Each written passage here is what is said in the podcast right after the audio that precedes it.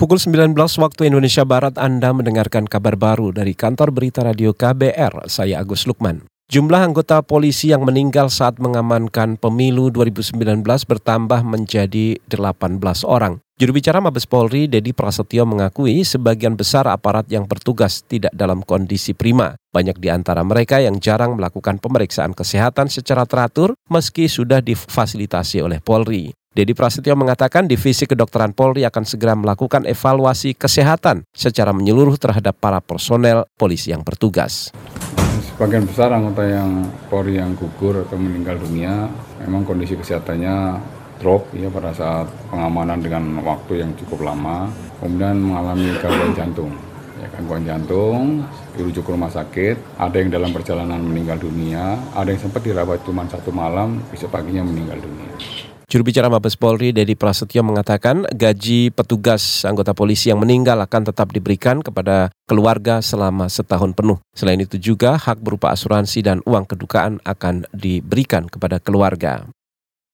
Badan Pengawas Pemilu Bawaslu meminta Komisi Pemilihan Umum KPU membentuk tim verifikasi untuk menghindari kesalahan dalam sistem informasi penghitungan pemilu atau situng. Hal ini disampaikan anggota Bawaslu Muhammad Afifuddin saat meninjau situng dan ruangan server di KPU. Menurut Afifuddin, dari sisi pengamanan, situng KPU telah dilengkapi sistem berjenjang sehingga tidak bisa diakses sembarang orang. Ya, artinya semua prosesnya ini kan dilakukan oleh banyak banyak pengecekan ya termasuk apa yang kita surati sebelumnya kami kan bersurat untuk memastikan bahwa kalau ada yang salah menghindari yang salah kalau bisa ada verifikator Anggota Bawaslu Muhammad Afifuddin juga meminta KPU mempercepat proses penghitungan suara di tingkat kecamatan. Ia mengatakan rekapitulasi di daerah selama ini berjalan lambat sehingga rekapitulasi di tingkat nasional juga ikut terhambat. KPU sebelumnya berencana melakukan rekapitulasi nasional pada hari Kamis kemarin, namun rekapitulasi ditunda.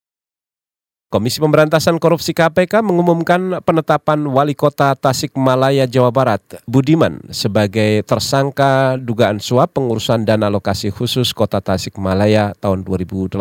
Juru bicara KPK Febri Diansyah mengatakan Budi diduga memberikan uang suap senilai 400 juta rupiah kepada bekas pejabat di Kementerian Keuangan Yaya Purnomo. Tangka BBD diduga memberikan uang atau uh, diduga memberikan uh, suap sebesar 400 juta rupiah terkait dengan pengurusan DAK untuk kota Tasikmalaya tahun anggaran 2018 kepada Yaya Purnomo dan kawan-kawan. Kemudian atas perbuatannya tersebut itu tadi saudara juru bicara Komisi Pemberantasan Korupsi KPK Febri Diansyah. Saudara sebelumnya penyidik KPK melakukan serangkaian penggeledahan di kota Tasikmalaya, Jawa Barat. Tiga lokasi yang digeledah adalah Dinas Pekerjaan Umum, Dinas Kesehatan, dan RSUD Kota Tasikmalaya. Dari tiga lokasi itu penyidik menyita sejumlah dokumen anggaran dan proyek serta data elektronik. Beralih ke informasi olahraga, saudara ganda putra Indonesia bulu tangkis peringkat satu dunia, Markus Gideon dan Kevin Sanjaya lolos ke semifinal kejuaraan bulu tangkis Asia 2019.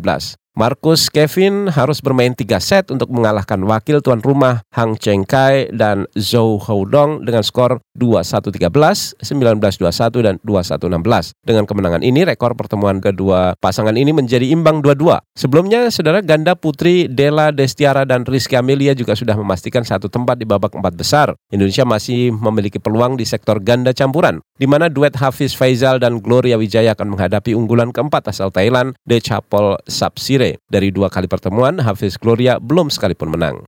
Demikian saudara kabar baru dari KBR, saya Agus Lukman.